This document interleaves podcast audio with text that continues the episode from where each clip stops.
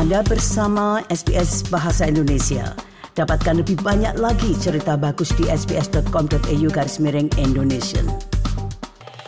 Baik, sebelumnya uh, terima kasih uh, sudah mau wawancara bersama SBS dan sekarang ini saya sedang bersama para kru dari proyek teater surat-suratnya yang dilaksanakan di Mel uh, Mama Courthouse di Carlton di Melbourne. Nah sebelumnya boleh diperkenalkan dulu namanya siapa dan apa perannya di proyek uh, surat-suratnya ini? Uh, nama saya Sandra Fiona Long. Aku dramaturg dan translator. Naskahnya Aulas Dinawa Sayur Lodeh yang sebagian dari surat-suratnya dan aku juga produsernya surat-suratnya.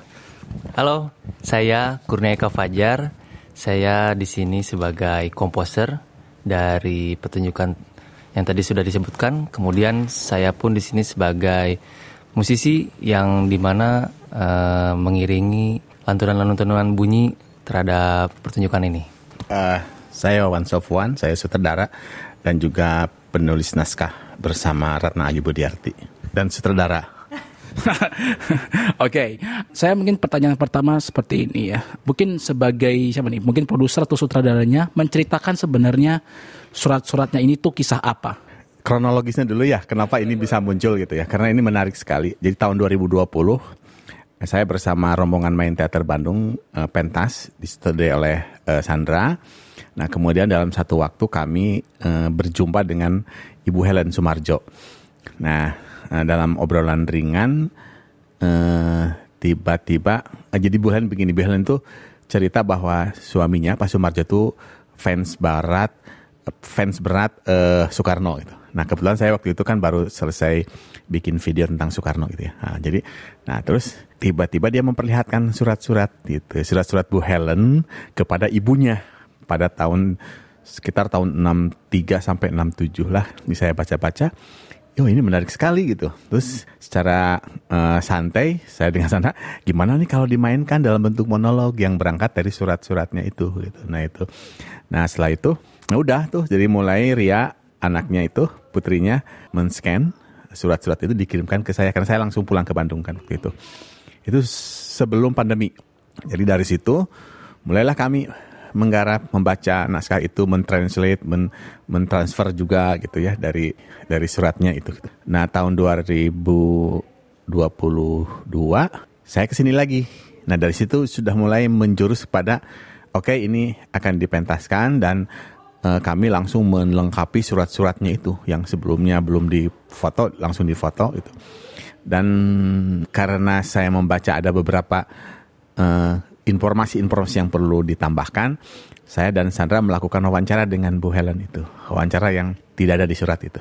Karena dari surat-surat itu kami menangkap ada peristiwa-peristiwa sosial politik Indonesia saat itu, terutama dari 65 sampai ke 67 itu. Dari uh, saya melihat bahwa saya ingin menampilkan sebuah gambaran bagaimana peristiwa sosial dan politik dari kacamata orang Australia. Dalam hal ini Bu Helen gitu.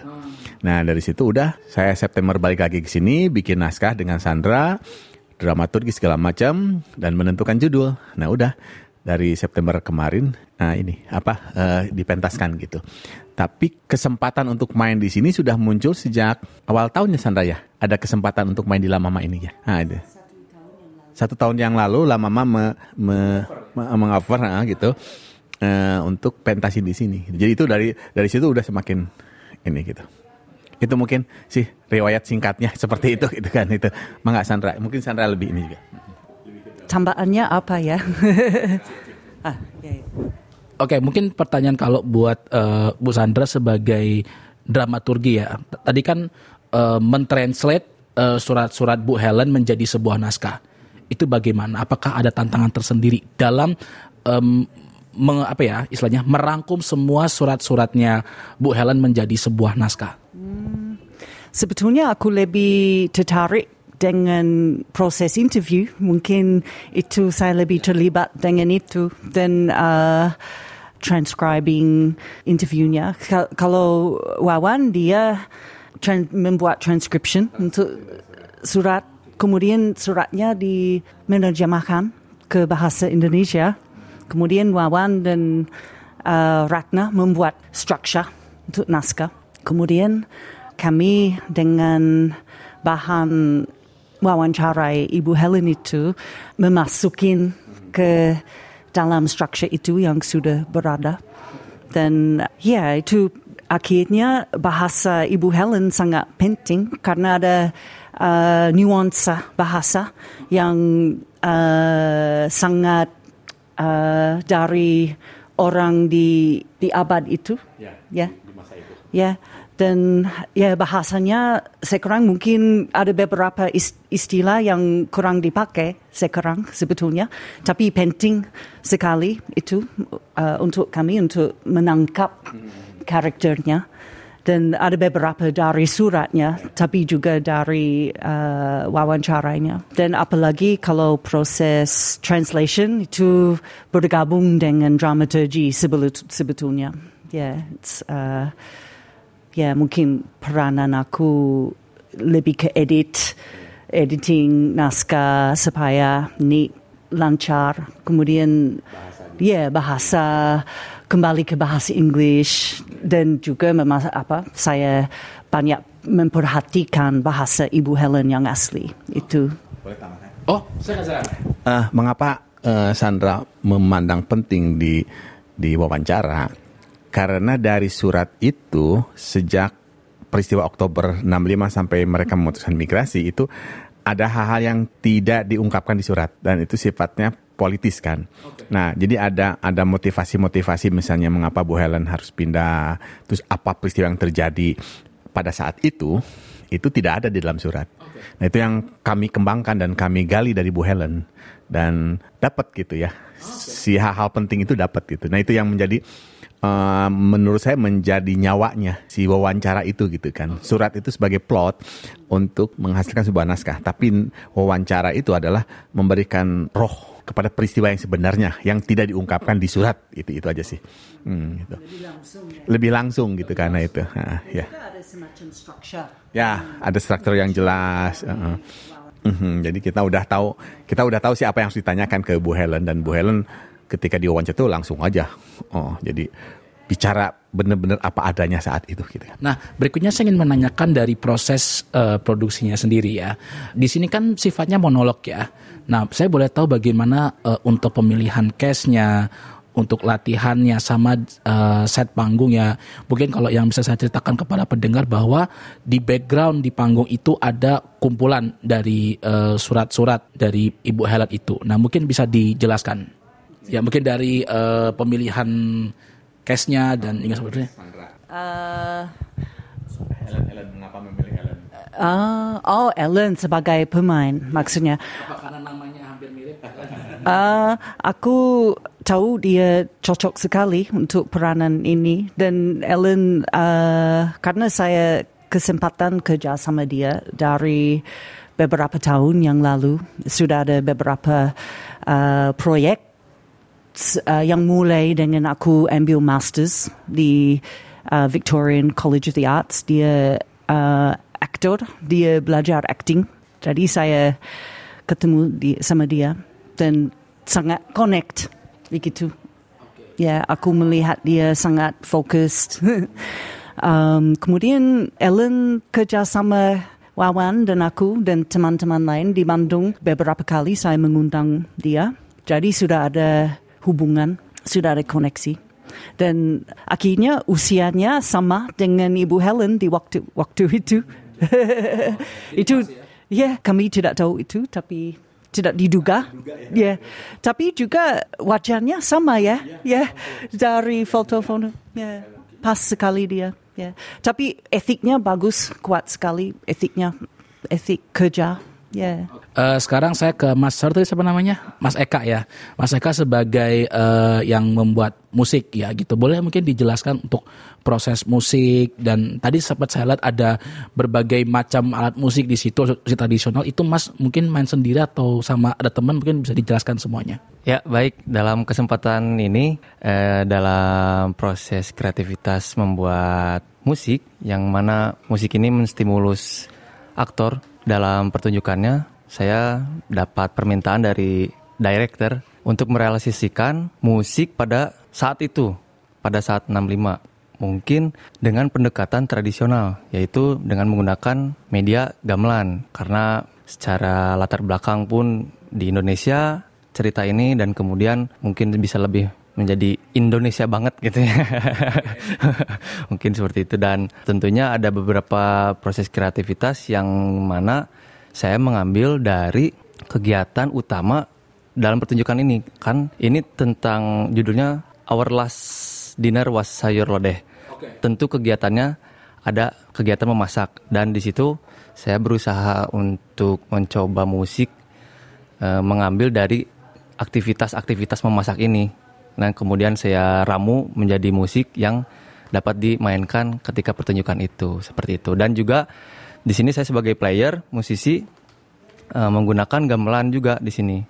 Ya gitu. Seperti itu Oke kita kan wawancara ini kan sudah pada saat hari terakhir ya hari terakhir pementasan. Dan pementasan ini kan sudah digelar sejak tanggal 6 Desember lalu. Saya saya pengen tahu uh, mungkin orang-orang yang sudah menonton apa reaksi mereka mungkin testimoninya terhadap uh, proyek surat-suratnya ini siapa yang mau ya, boleh Pak ah, saya tambahkan satu lagi ya boleh, Nah, uh, yang menggarap uh, skenografa skenografi di sini itu namanya Yudit. Okay. Yudit orang Bandung. Jadi waktu itu saya cerita dengan dia. Nah terus saya bilang juga bahwa ini berangkat dari surat-surat. Terus dia bilang boleh nggak saya lihat surat-suratnya gitu. Nah begitu lihat surat-suratnya, terus tiba-tiba dia punya ide untuk uh, menampilkan surat-surat itu sebagai background, background pertunjukan gitu oh, karena iya. itu. Dan itu dicetaknya itu di Bandung itu. Hmm. bukan bukan di sini. Cetak di Bandung dia tungguin tuh sampai benar-benar keluar uh, apa uh, warna aslinya gitu. Hmm, jadi kalau fotokopi biasa kan hitam ini enggak jadi dia tungguin banget itu sampai benar-benar birunya tuh muncul merahnya itu muncul seperti surat di aslinya gitu karena itu itu yang kemudian kami juga tidak menyangka ya antusiasnya begitu tinggi itu terasa sejak uh, di Edge memuat berita tentang pementasan ini. Oh. Ya, jadi di hari Jumat ya, hari Jumat dia muat, kemudian kami dapat bintang 4 dan itu tiba-tiba besoknya langsung banyak sekali yang yang pesan tiket dan sold out langsung gitu. Jadi itu juga dan reaksinya eh, sangat beragam ya, sangat beragam. Terutama mungkin mereka kalau generasi tua kan paham ya tentang situasi politik ini saat itu gitu. Tapi ketika menonton dengan pembawaan acting Ellen yang sangat bagus. Jadi mereka kan terlibat dalam cerita itu gitu kan. Dan komentarnya bagus-bagus sih. Saya suka sekali ya komentar-komentarnya itu. Ada yang uh, Nggak ada yang nangis sepanjang pertunjukan gitu kan itu. Macam-macam sih. Ada yang bilang, wah ini saya secara tidak langsung mengenal Indonesia saat itu katanya. Bagaimana secara uh, sejarah mereka tahu itu ya. Nah, tapi kan baca itu ya. Beda dengan ketika orang mendengar dan merasakan merasakannya gitu. Nah, nah itu. Eh, itu. Dan kemudian satu lagi saya sayur lodeh ini mengambil filsafat Jawa ya. Falsafah Jawa. Jadi memang eh, si musiknya juga mengarah ke arah eh, seperti gamelan-gamelan Jawa gitu. Ada filosofi-filosofi yang muncul dari setiap apa eh, setiap sayuran itu ya. Misalnya kol itu punya arti apa gitu karena itu. Tempe itu punya arti apa gitu. Itu itu dimunculkan gitu. Hmm, karena memang konon katanya Hamengkubuwono ke-8 itu pernah meminta rakyatnya saat itu untuk memasak sayur lodeh untuk um, apa istilahnya? Menolak bala gitu. Oh. Jadi memang ada ada filsafat itu. Jadi sayur lodeh itu tidak hanya sebagai sayur lodeh ansih, sayuran gitu, tapi juga dia punya filsafat yang sangat relevan ya. Nah, ini menolak bala nih semua yang terjadi pada saat itu gitu kan. Itu sih. Hmm. Baik, mungkin ini terakhir saja ya. Mungkin bisa di bisa dijawab secara ringkas saja. Bagi bagi orang-orang yang tidak beruntung uh, tidak beruntung tidak bisa beruntung menyaksikan pementasan ini apa mungkin pesan yang disampaikan dari pementasan drama ini Kalau yang tidak beruntung mungkin ada ratusan orang yang tidak beruntung. Uh, kami mohon doanya saja supaya bisa pentas lagi di sini gitu. itu aja. Itu yang paling ringkas. Mohon doanya saja supaya kami bisa pentas lagi di sini dengan ruangan mungkin yang lebih. Nggak, ini juga cukup sih sebenarnya ruang ini sangat pas banget gitu agar kami bisa kembali lagi ke sini dan kami juga mau touring di Indonesia uh, jadi ya itu mohon doanya saja gitu itu aja sih sebenarnya tambahan sedikit. Wawan dan aku sudah 26 tahun kerja sama. Ya itu sejarahnya yang panjang sekali. Dan uh, setiap proyek ada perkembangan. Ya dan mendalam. Dan itu uh, mungkin kalau di Melbourne dan Bandung ada uh, lumayan banyak orang yang tahu yang sudah lama nonton perkembangan kami. Dan juga Samaria aku sudah lama kerja Samaria jadi untuk saya ini membuat apa how do you say like bring together so many connections for me. Has been really yeah.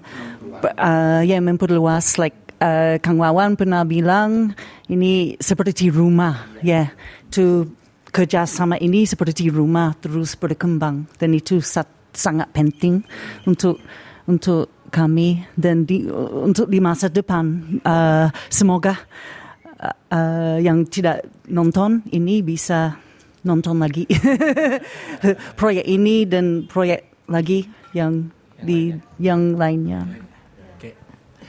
Oke, okay. uh, mungkin itu saja yang ingin saya tanyakan ya kepada Pak Wawan, Mas Eka dan juga uh, uh, Bu Sandra. Uh, terima kasih atas kesempatannya bisa uh, untuk wawancara bersama SBS. Terima kasih. Ya. Thank you. Terima kasih.